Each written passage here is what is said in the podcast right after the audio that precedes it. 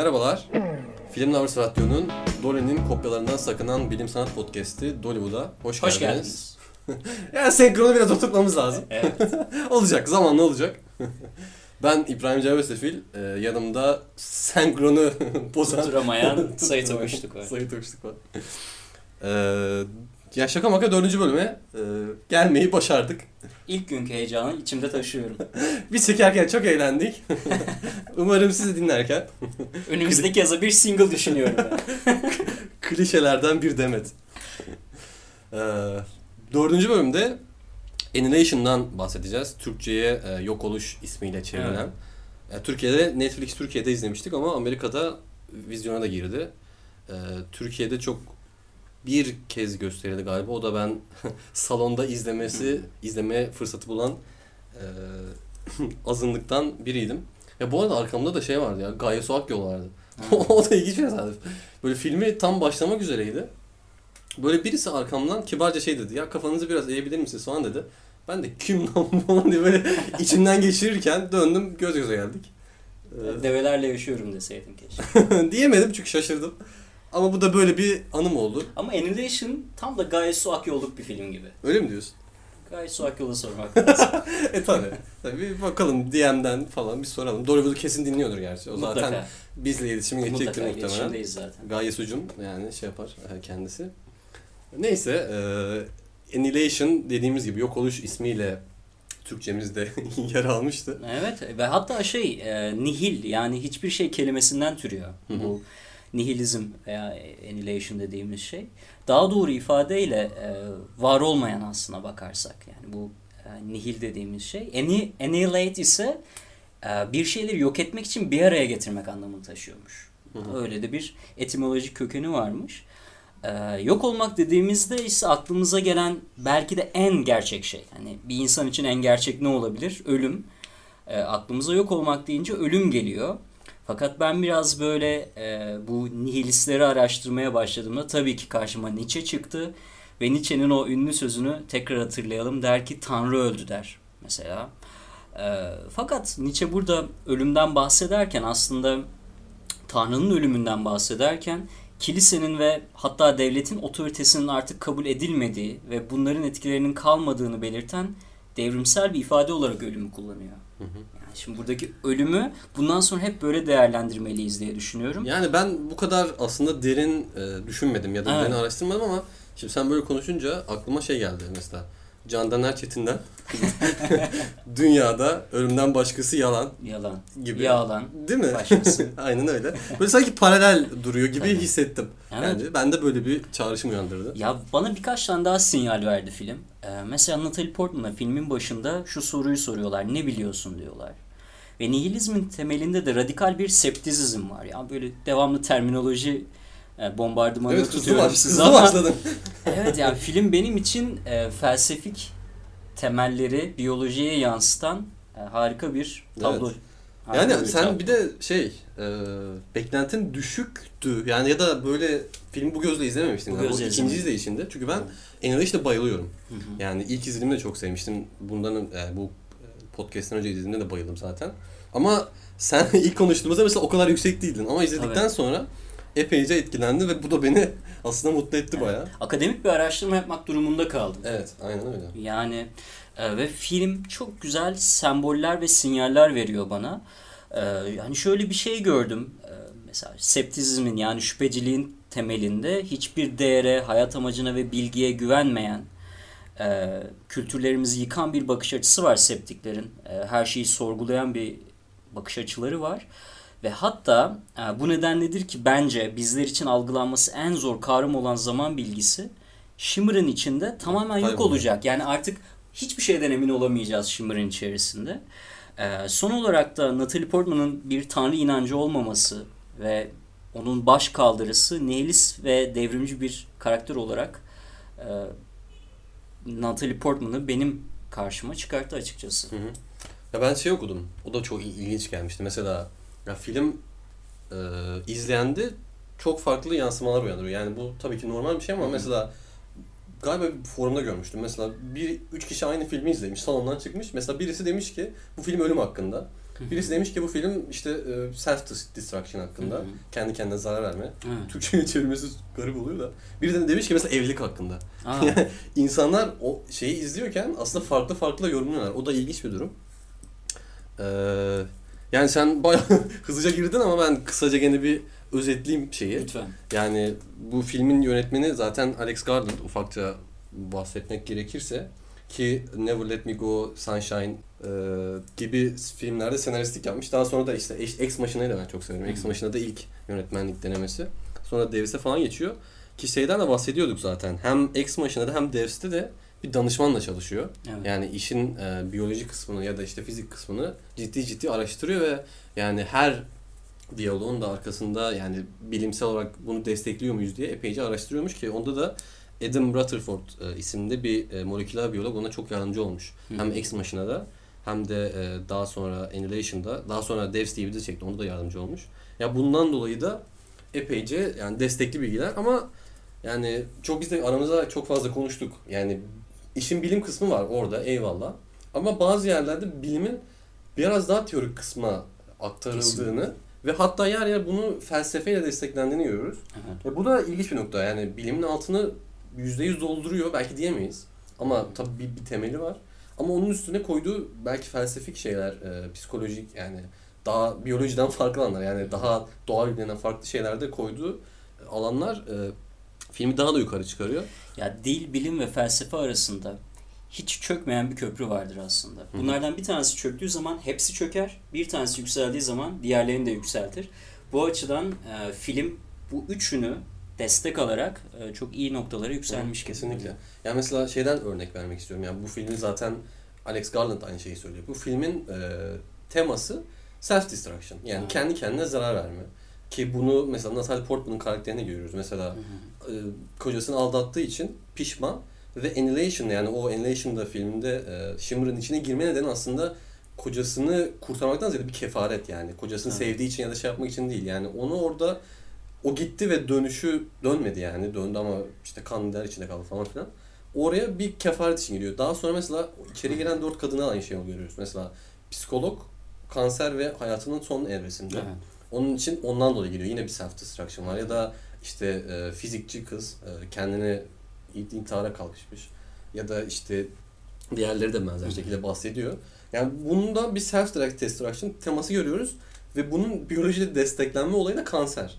Mesela kanser de aslında hücrelerin yani hatta direkt bir vücudun self destruction'dır. Yani kendini kendi içinden yok ediyorsun. Ve mesela bunu biyolojiyi mesela bu, bu şekilde destekliyor ki Evet. Mesela şeyde de yani insanların e, içeri giren insanların kanserle baş etme şekilleri de farklı. Mesela o da bahsediliyor. Mesela psikolog kadın ona karşı gelmeye çalışıyor. Onu öldürmeye çalışıyor. Mesela Natalie Portman keşfetmeye çalışıyor. Ne oluyor ne bitiyor diyor. Diğeri mesela kaçıyor. Şey kız yani onu hep dediğimiz gibi hep böyle paralel ilerliyor. E, bu da ilginç bir nokta. Mesela şey de öyle. Yani interbreed konuları var işte mesela hayvanla bitkilerin e, birbirine içine breed olduğu, ürediği yani üreme değil, ürediği değil de bir, DNA'ları birbirine karıştı diyelim. Hı hı. Mesela orada da e, sanki değişik tür kanserler görüyoruz. Mesela bir yerde timsah görüyoruz, albino bir timsah görüyoruz ve e, o çok saldırıcı ya da işte bir ayı görüyoruz, o da saldırıcı. Yani bu sanki kanserin böyle saldırıcı çeşitleri. Bir de mesela bir geyik görüyoruz. Ve o geyik e, bitkilerle böyle yine DNA'sı karışmış ama izlediğin zaman sana huzur veriyor. Sanki o şey olmayan, yayılmacı olmayan bir kanser. Kanserin de türleri var ya. Evet. Ya onları görmek de bayağı ilginç gelmişti bana. Yani bu e, kansere bağlayacak olursam ya en başına dönmemiz lazım diye düşünüyorum. Doğanın tek bir amacı var. Hı hı. O amaçta e, DNA'yı aktarmak. Yani kendini çoğaltmak, e, genetik bilgilerimizi yaşatmak. Biz, yani. biz beden olarak yok olabiliriz. Hı hı. Ama bizim çocuklarımızda bizim DNA'larımız bir biçilmiş kaftan olarak e, devam ederler. E, ya aslında işte işin birazcık biyolojiden felsefe boyutuna geçecek olursak her hücre bölünmesi aynı zamanda önceki hücrenin ölümü. Yani bu çok açık. Yani bir hücrenin oluşabilmesi için önceki hücreyi yok etmeleri gerekiyor. Öyle mi? Bilmiyorum. Tam yani Yani hani bir hücreden iki hücre çıkartıyoruz. Hı, Önceki tamam. bir hücre ölüyor. Onun aslında ölümü. Yani filmde ben Ha, yani ölümü her zaman bir dönüşüm olarak görüyorum. Uzun vadede bahsediyorsun aslında. Kesinlikle. Kısa vadede çünkü Evet. hepsi yaşamaya devam ediyor. Evet. Uzun ya, vadede öyle. Annihilation'da ölümün hep dönüşüm kelimesiyle özdeşleştiğini göreceğiz. Ve Evet, ölümden ziyade zaten Ha. ölümü yani şey e, bir evil diyeyim ya da e, bu esas kötü olarak konumlandırmıyor. Orada hep bir değişimden Değişim. bahsediliyor. Yani e böyle ölümden ziyade değişimden aynen ben onu katılıyorum sana o konuda. Ee, Yani bahsettiğimiz gibi nihilistler de böyle düşünüyorlar. Yani ölümü her zaman bir devrim, dönüşüm olarak kullanıyorlar. Şimdi peki bunu nasıl biyoloji temellerine e, dayandırıyorlar? Biraz ona bakalım istiyorum. Hı hı. Ya diyelim ki sen bilgini aktarmak istiyorsun doğadaki bir canlı olarak. DNA'larını kullanıyorsun fakat bunu nereye kadar aktarabilirsin? Yani nereye kadar gider bu iş? İşte burada söz konusu, konusu bir e, half-life limiti denilen Hı, evet. yani Şimdi normal bir insan hücresinin e, senin benim mesela normal hücrelerimiz en fazla 40-60 defa bölünebilecekler. Yani o bilgilerini 40-60 defa aktarabilecek ve daha sonra o ana canlı bile ortadan kalkacak. Onun bilgileri bile ortadan kaybolacak. E, Buna zaten half-life e, limiti dendiğini biliyoruz. Fakat iki hücre tipi var ki e, Cem bunlar bilgilerini doğru koşullar sağlandığında sonsuza kadar aktarabiliyorlar. Hı hı. Tahmin ettiğin gibi ve söylediğin gibi bunlardan bir tanesi kanser hücreleri. Aynen öyle. Aynen bizim laboratuvarlarda kullandığımız. Evet. Filmde de bahsi geçiyor aslında Hela sen. Kesinlikle. İkincisi ise benim daha çok kafamı karıştıracak kök hücreler. Hı hı. Bu ikisinin bilgilerini sonsuza kadar aktarabilme ve işte engellenmediği zaman sonsuza kadar bölünebilme yetileri var. Ben e, Shimmer'ın yani parıltı dedikleri şeyin dev bir kanser hücresi veya kök hücre olabileceğini aklımızda tutmamız gerektiğini düşünüyorum ve Shimmer'ı bilgisini aktarmak isteyen bir beden olduğunu e, düşünerek yola çıkıyorum. E, hatta bu kök hücre de işin içine girince ya dedim acaba bu Shimmer bir e, kanserli bedenden ziyade acaba anne rahmi olabilir mi? Hı. Bir Adem'le Havva hikayesi çıkar mı buradan? Hı hı. Ee, veya acaba oraya giden kadınlar ve erkekler birer e, molekülü mü temsil ederler? Gibi daha da detaylarına girdim. Fakat genel algı Shimmer'ın bir kanser bedeni olduğu ile ilgiliydi. Hı hı. Ee, buradan sonra da sanırım kanserli olduğunu düşünerek devam etmemiz daha mantıklı olacak. Ya mutlaka aynen yani çünkü işte içine giren e, insanlar da ya da iç daha önce içinde bulunan hayvanlar ya da bitkiler ya da canlıların da e, yani mutasyona uğradığını ya da bir şekilde e, bozulduğunu demeyeyim de değiştiğini görüyoruz. Evet. Hep filmde değişmek diyor deniyor ya. E, ondan dolayı ve şey de yani yayılım yayılması da öyle mesela şey göktaşı düştüğünde küçük bir alanı Tabii. kapsıyor ama gitgide e, şey yapıyor, genişliyor. Shimmer'ın alanı. Küçük bir bilgi vermek istiyorum bu konuda özür dilerim. Estağfurullah. Ee, biliyorsun kitaba dayanan bir Tabii tabii Based on. F- Jeff Vandermeer isimli e, bir Kesinlikle. yazar. Ve şöyle bir e, spoiler vermek istiyorum. E, deniz fenerinin altındaki tünelde Hı hı. bir alfa helix yapısı var. Evet, aynen Bir. DNA yapısı var yani orada. Orası aslında çekirdek. Hı hı. Bir şeyin çekirdeği. Bir DNA yapısının çekirdeği öyle bir ek bilgi vermiş olayım Aa, sana. güzelmiş.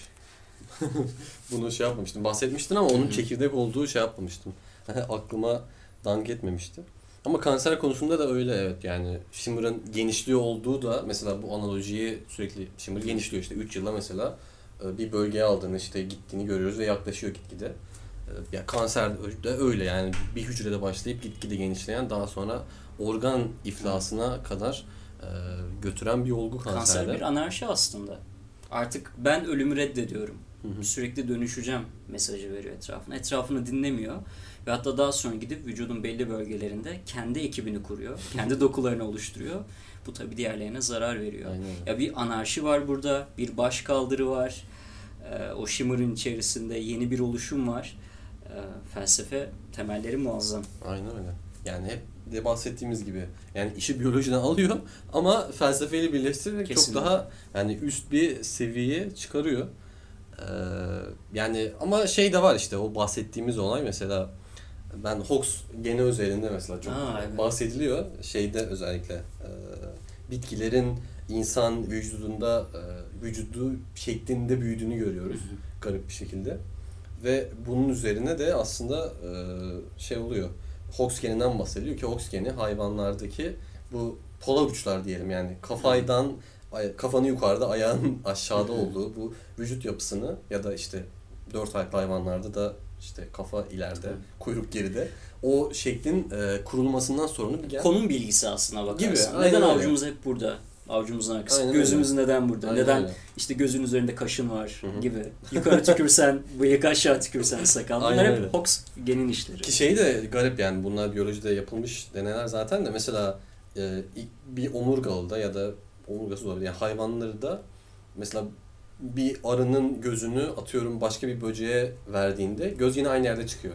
Mesela bunun sorumlusu Hox geni. Çünkü o gen e, senin gözünün, kaşının işte ya da hayvansan kanadının falan nerede çıkacağını söylüyor. Ama bitkilerin Hox geni varmışçasına böyle bir yapı oluştuğunu görüyoruz ve bu aslında bir yandan da e, iki farklı tür arasında böyle bir DNA e, karışımına işaret ediyor. Yani normalde e, elbette böyle bir şey olmuyor yani pratikte asla olmuyor ama teorikte böyle kavramları aslında biraz zorladığın zaman belki oraya çıkabiliyorsun. Hani şey dedik ya bu Shimmer'ın içerisinde her şeyi sorgulamalıyız. Hı hı. Her şeyden şüphe duymalıyız diye. Ben acaba şöyle bir şey düşündüm. Zaman kavramımızın yok olmasıyla birlikte bu Shimmer geçmişten geleceğe bir simülasyon mu? Evrim simülasyonu mu diye düşündüm. Hani acaba zaman orada farklı akıyor da Evet zaman farklı biz akıyor. e, bundan milyonlarca ve belki milyarlarca yıl önceki canlıları mı görüyoruz? Gibi de bir şey düşündüm. Evet. Çünkü Kambriyen patlaması ile birlikte çok çeşit çeşit canlılar ortaya çıkmaya başlıyor. Hı hı. Acaba canlılığın 3,5 veya 4 milyar yıllık bir sürecinden mi bahsediliyor orada? Ya ben açıkçası onu almadım. Hmm. ben öyle bir ya, şey yap düşmedim ama ya olabilir dediğim Çünkü ya, timsahın ağzının içerisinde farklı dişler bulunması Evet. gayet olası. Fakat bizim dünyamızda tutunamayabilir öyle bir ama canlı. işte o dişler köpek balığı dişleri gibi ya. Hı hı. Orada bir sanki şey var. Yani e, şey olabilir bu arada hakikaten mesela dediğin Kambriyen çağın sonrasında timsah e, dişleri hakikaten köpek balığına çok benziyor olup sonra mesela işlevselliğini kaybedip şu an bildiğimiz şekilde dönmüş olabilir. Evrim budur zaten Aynen. yani bir şey yaratmaz, eler. Hı hı, aynen öyle. Ama yani ben ondan ziyade bunun hep filmin temasına e, paralel olarak bir Hı. değişim yani. Mesela o işte karışım, değişim, işte Hızlı mutasyon, mutasyonlar. Aynen. Ha. Onu hissettim. Ee, şeyde de e, onun açıklamasını da şöyle yapıyorlar filmde. Bu e, refraction olayı, e, yansıma. Yani Shimmer'ın içinde dalgaların önce kaybolduğunu ya da iletilmediğini sanıyorlar ama daha sonra onun bir şekilde yansıdığını görüyorlar. Yani yansımak da aslında basitçe dalganın bir medyumdan başka bir medyuma geçerken yönünü değiştirmesi, dolayısıyla hızını da değiştirmesi. E, ama yani DNA, RNA ya da e, insan vücudundakiler bir dalga değil. Dolayısıyla e, refract etmesi şey değil ama şeyin e, bu filmin danışmanı e, Adam Rutherford'un bir açıklaması var. Yani ondan yola çıkarak mesela refraction aslında bir değişim. Mesela hızın değişiyor. E, ve mutasyondan bahsediyorken aslında mutasyon da bir değişim. Yani bir anda e, hücre yapısı çok hızlı bir değişime uğruyor. E, ve işte tüm bu değişim kavramlarını böyle iç içe bir çorba yapınca yani pratikte olmasa bile teorikte hakikaten bu DNA'ların değişerek birbiri içinde boca edilmesi kavramı yenil yani yedirilebilir belki kıvamı geliyor. Ama yani pratikte e, ya imkansız. Yani şu an e, zaten yani şey e, hayvanla bitki arasında bırak iki hayvan arasında bile Tabii. çiftleşme olması mümkün değil. Olunca da zaten ortaya çıkan nesil kısır bir nesil oluyor. E Ya biz rekombinant DNA teknolojisiyle bu işleri halletmeye çalışıyoruz. Orada Hı bir de birçok başarısızlığa uğruyoruz yani. E, onun için e, ama yine de dediğimiz gibi yani o kavramların e, belirsizliğinden yola çıkarak böyle ufak ufak ipuçlarıyla işte bu değişim ana teması işte self destruction olaylarından falan ufakça birbirine bağlanabilir belki ki ya Adam Rutherford da öyle düşünmüş yani Hı. biraz daha işin e, teorik kısmından bakmış. E, ama yani dediğimiz gibi yoksa DNA bir dalga değil ve bunun işte Evet. bir şekilde kırılarak, değiştirilerek e, farklı türler arasında e, dağıtılması çok mümkün değil. Ee, yani bu bir de filmin en başından en sonuna kadar bir otofaji hani senin tekrar bahsettiğin bir self destruction mevzusu var. Otofaj nedir? Onu açıklayalım. Otofaj yani otofaj hücrenin kendini sindirme mekanizması. Hı hı. Ya kendini değil hücrenin sindirme mekanizması. Yani bizim sindirim sistemimiz gibi aslında bakarsın. Aslında şey de öyle. E, ant- antikorlar da e, bazı antikorlar hepsi değil tabii Hı hı. de benzer işlevi yapıyor. Yani Tabii. bir saldırgan şey olduğunda kan içinde onu yemek diyelim Evet. yani basitçe yiyor. Ki bunu ama hücrenin kendi yani bir insan kendi hücresinde yapabiliyor yani yabancı bir hücrenin yanında. Ee, Yani mesela zamanı gelmiş artık e, miadı dolmuş mitokondrilerin Gibi. yok edilmesi bir e, otofajidir. Burada çok ilginç şeyler var. Felsefeler var. Hani biz hep şunu kabul ederiz. Her hücre işlevini yerine getirdikten sonra ölmeli. Eğer ölmezse bunlar e, kanser hücresi gibi anarşik oluşumlara neden oluyor baktığımızda. Şimdi filmin sonu hepimiz için bir merak konusu. E, ben de çok inceledim nedir ne değildir diye. Bazıları kemoterapi olduğunu söylüyor. Hı hı. Yani işte fosfor bombasının patlaması aslında bir kemoterapi simgeler diyor. Ee, bu tip kimyasal terapilerin amacı da zaten kanser hücrelerini yani bizim vücudumuzdaki kanser hücrelerini öldürüp bizim sağlıklı hücrelerimizin yaşamasına yol vermek. Ee, peki bu noktada e, Natalie'nin ve eşinin kollarında kendini yiyen yılan Evet. dövmesi ne oluyor? Yani otofajiyle nasıl bir ilgisi var? Çok e, farklı bir mantık var burada da. Bir yılan kendini yiyor. Hı hı. Yedikçe Ha, şey- tekrar büyüyor. Ouroboros diyorlar. Evet, Yani evet. Kavram olarak. Yani burada da en başında söylediğimiz gibi ölümün aslında bir son değil bir dönüşüm olduğuna vurgu yapacağız. Ee, Andrew Thorburn laboratuvarının bir araştırmasından cümle var. Diyor ki e, otofaji hücre için çok önemli bir ölme kararıdır diyor. Fakat bu ölme kararı bazen diyor hücreleri apoptosisten korur diyor. Yani apoptosis nihai ölüm. Yok olmak, gerçek anlamda yok olmak. Annihilation. Annihilation. Ama otofaji dediğimiz şey ise hücrenin fazlalıklarını e, veya işte yaşlanmış şey, parçalarını bir şekilde sindirerek hücrenin yaşamasına e, olanak vermek aslına bakarsak. E, hatta şöyle bir e, şey yapmışlar. E, deney yapmışlar ve bu deneyin sonunda da görmüşler ki doğru bir sindirim mekanizması hücreyi sonsuza kadar yaşatabilir. Yani hayatın devamlılığı ve dönüşümü için ve fikirde hani devrim için bazı kayıplar verilmeli mesajı var. Yani otofaji böyle bir Kesinlikle, şey. aynen. Ben bazı şeyleri yok ediyorum ama bu seni ölümden kurtarabilir. Yani aslında her şerrin altında bir hayır vardır diyerek Vay be. sen yanmazsan ben yanmazsam hikayesi aslına bakarsak. İşlerin buraya geleceğini. Ben de düşünmüyordum ama film tek başına bir devrim zaten. Aynen bir öyle. dönüşüm. Aynen öyle. Ya şey konusu da ilginç. Ee, onu aslında çok derinlemesine açıklamıyorlar ve bunun e, yani bilimsel olarak e, çok fazla belki açıklanması mümkün değil ya uzaylı olayı yani Hı. bir gök taşı düşüyor deniz fenerine. Daha sonra işte filmin sonuna doğru Natalie Portman'ın karakterinin içeriye girdiği zaman DNA'sını yani işte kan galiba kanı e, böyle göz gibi bir fraktal yapının içine giriyor. Ondan sonra böyle birebir kopyasını gibi görüyoruz. Tabii e, o simsiyah ama hareketlerini birebir taklit ettiğini fark ediyoruz ki aslında şey de Annihilation'da çok şeye girmiyor. Yani uzaylılar geldi, bizi öldürecek uzaylılar şöyle uzaylılar ona çok girmiyor. Yani şey stand bildiğimiz bu e, Hollywood filmlerinden ziyade ne bileyim belki böyle e, Solaris'e ya da e, işte Stanley Kubrick'in e, 2001'ına böyle paralel şekilde uzaylının ne olduğundan ziyade onu bir kavram olarak kabul edip onun aslında ne yapmaya çalıştığını şey yapmaya çalışıyor. O da ilginç. Yani mesela o gördüğümüz yapı hayatta kalmak için mim, yani şey yapıyor, taklit ediyor. Taklit ediyorum. O da ilginç bir durum. Yani mesela saldırmıyor, yani beklemiyor. Karşısındaki ne yapıyorsa onu yapıyor. E, O da e, epeyce Evet. ilginç bir durum. Ya ben o uzaylıda veya Shimmer'ın içinde şöyle bir şey gözlemledim.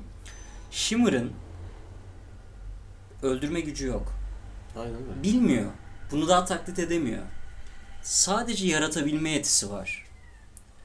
Sadece doğur, doğurabiliyor bir şeyleri. hı. Mutate edebiliyor. İşte melezleştirebiliyor. Yok olmayan bir şeyi var etmiyor ya da var olan bir şeyi Kesinlikle. yok etmiyor. Ee, fakat ölümü Natalie Portman'dan öğreniyor. Aynen öyle. Ve daha sonra bütün Shimmer'ın yıkıldığını görüyoruz. Ve yine filmin en başından beri bize vermek istedikleri felsefe şu. Ölüm olmadan doğum olmaz. Hı hı. Ölümü öğrenmeye başladığı andan itibaren bu sefer yeni doğumlara ve yeni oluşumlara, yeni dönüşümlere yol açılmış oluyor. Yani aslında Shimmer'ın veya o, bedenin öldürmeyi yani otofajiyi veya apoptozu da öğrenmesi gerekiyordu ve onu da Natalie'den öğrendi gibi bir mantık kurdum ben. Bilmiyorum Hı, katılır mısın? Yok yok kesinlikle katılıyorum ve aslında hep o e, böyle etrafını çizdiğimiz o Shimmer'ın alanı gibi mesela self destruction, değişim, öğrenme, yok olma, Hı. ölme, doğma hep bu etraflarında dönüp ve onları da toparlayan bir yapı oluyor bu. Cell biyolojiden gördüğümüz hücrenin günlük aktiviteleri bunlar aslında Aynen öyle. yaşamak için yaptığı şeyler. Ya da işte TRT 2'deki gibi İstiklal Marşı ana haber. Sonra günün kapanışı. Ee, hep hepsi aslında hayat bir döngüden ibaret. Yani Shimmer aslında ölmedi. Ya Kalbimizde. O beden yaşıyor yani. Kalbimizde değil ama e, Natalie'de ve onun eşinde yaşıyor. Evet o da ilginç bir nokta. Hep bahsettin o bir hücre işte gibi. Ouroboros şeyiyle de onu belli Evet. ediyor biraz e, dövmesiyle. E, o da evet ilginç. Yani e, Shimmer aslında onların içine bir parça bırakıyor gibi. Tabii. Belki de yani şey Bir hücre iki falan- hücreye bölündü. Aynen. Artık. Ya kemoterapiden falan bahsediyorsun ya mesela şey kemoterapide bazen kanseri yenebiliyorsun ama sonra nüksediyor. Evet. mesela onların içinde de şu an e, gözlerinde görüyoruz. Hı hı. O da bir Blade Runner göndermesi olabilir. Gözlerinden biraz yani yani hem dövmeleri var. Veya maymunlar cehennemi göndermesi de olabilir. Kesinlikle. Bunun için o zaman bir önceki bölümümüzü mutlaka takip edin. bu bölümü bunun için çekmiştik. Aynen öyle yani o e, durumda öyle yani şey yani onu söyleyecektim. E, kanser kemoterapiden sonra nüksetme olayı da belki yani Annihilation'dan sonra bu arada e, Jeff Vandermeer'in yazdığı roman da bir üçleme. Evet. South, Southern, Southern Ridge diye. Belki ikinci, üçüncü film olsa Annihilation muhtemelen olmayacak çünkü işe de battı film ama olsaydı belki de Shimmer'ın yani bir kanser gibi yeniden nüksettiğini ve bu sefer Natalie Portman ya da işte Oscar Isaac'in karakterlerinin vücudundan yayıldığını görecektik belki de. Evet. Yani o, o da benim ufak bir komplo teorim olsun. Alex Garland'a Mükemmel. selam ederim. Ee, yani bir e, written by almam ama story by hak diye düşünüyorum.